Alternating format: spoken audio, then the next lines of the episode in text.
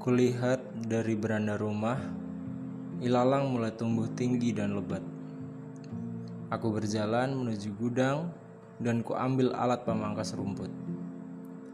Saat akan kupangkas ilalang tersebut, aku mulai berpikir, bukankah ia hanya ingin bertahan hidup? Bukankah ia hanya ingin melangsungkan kehidupannya?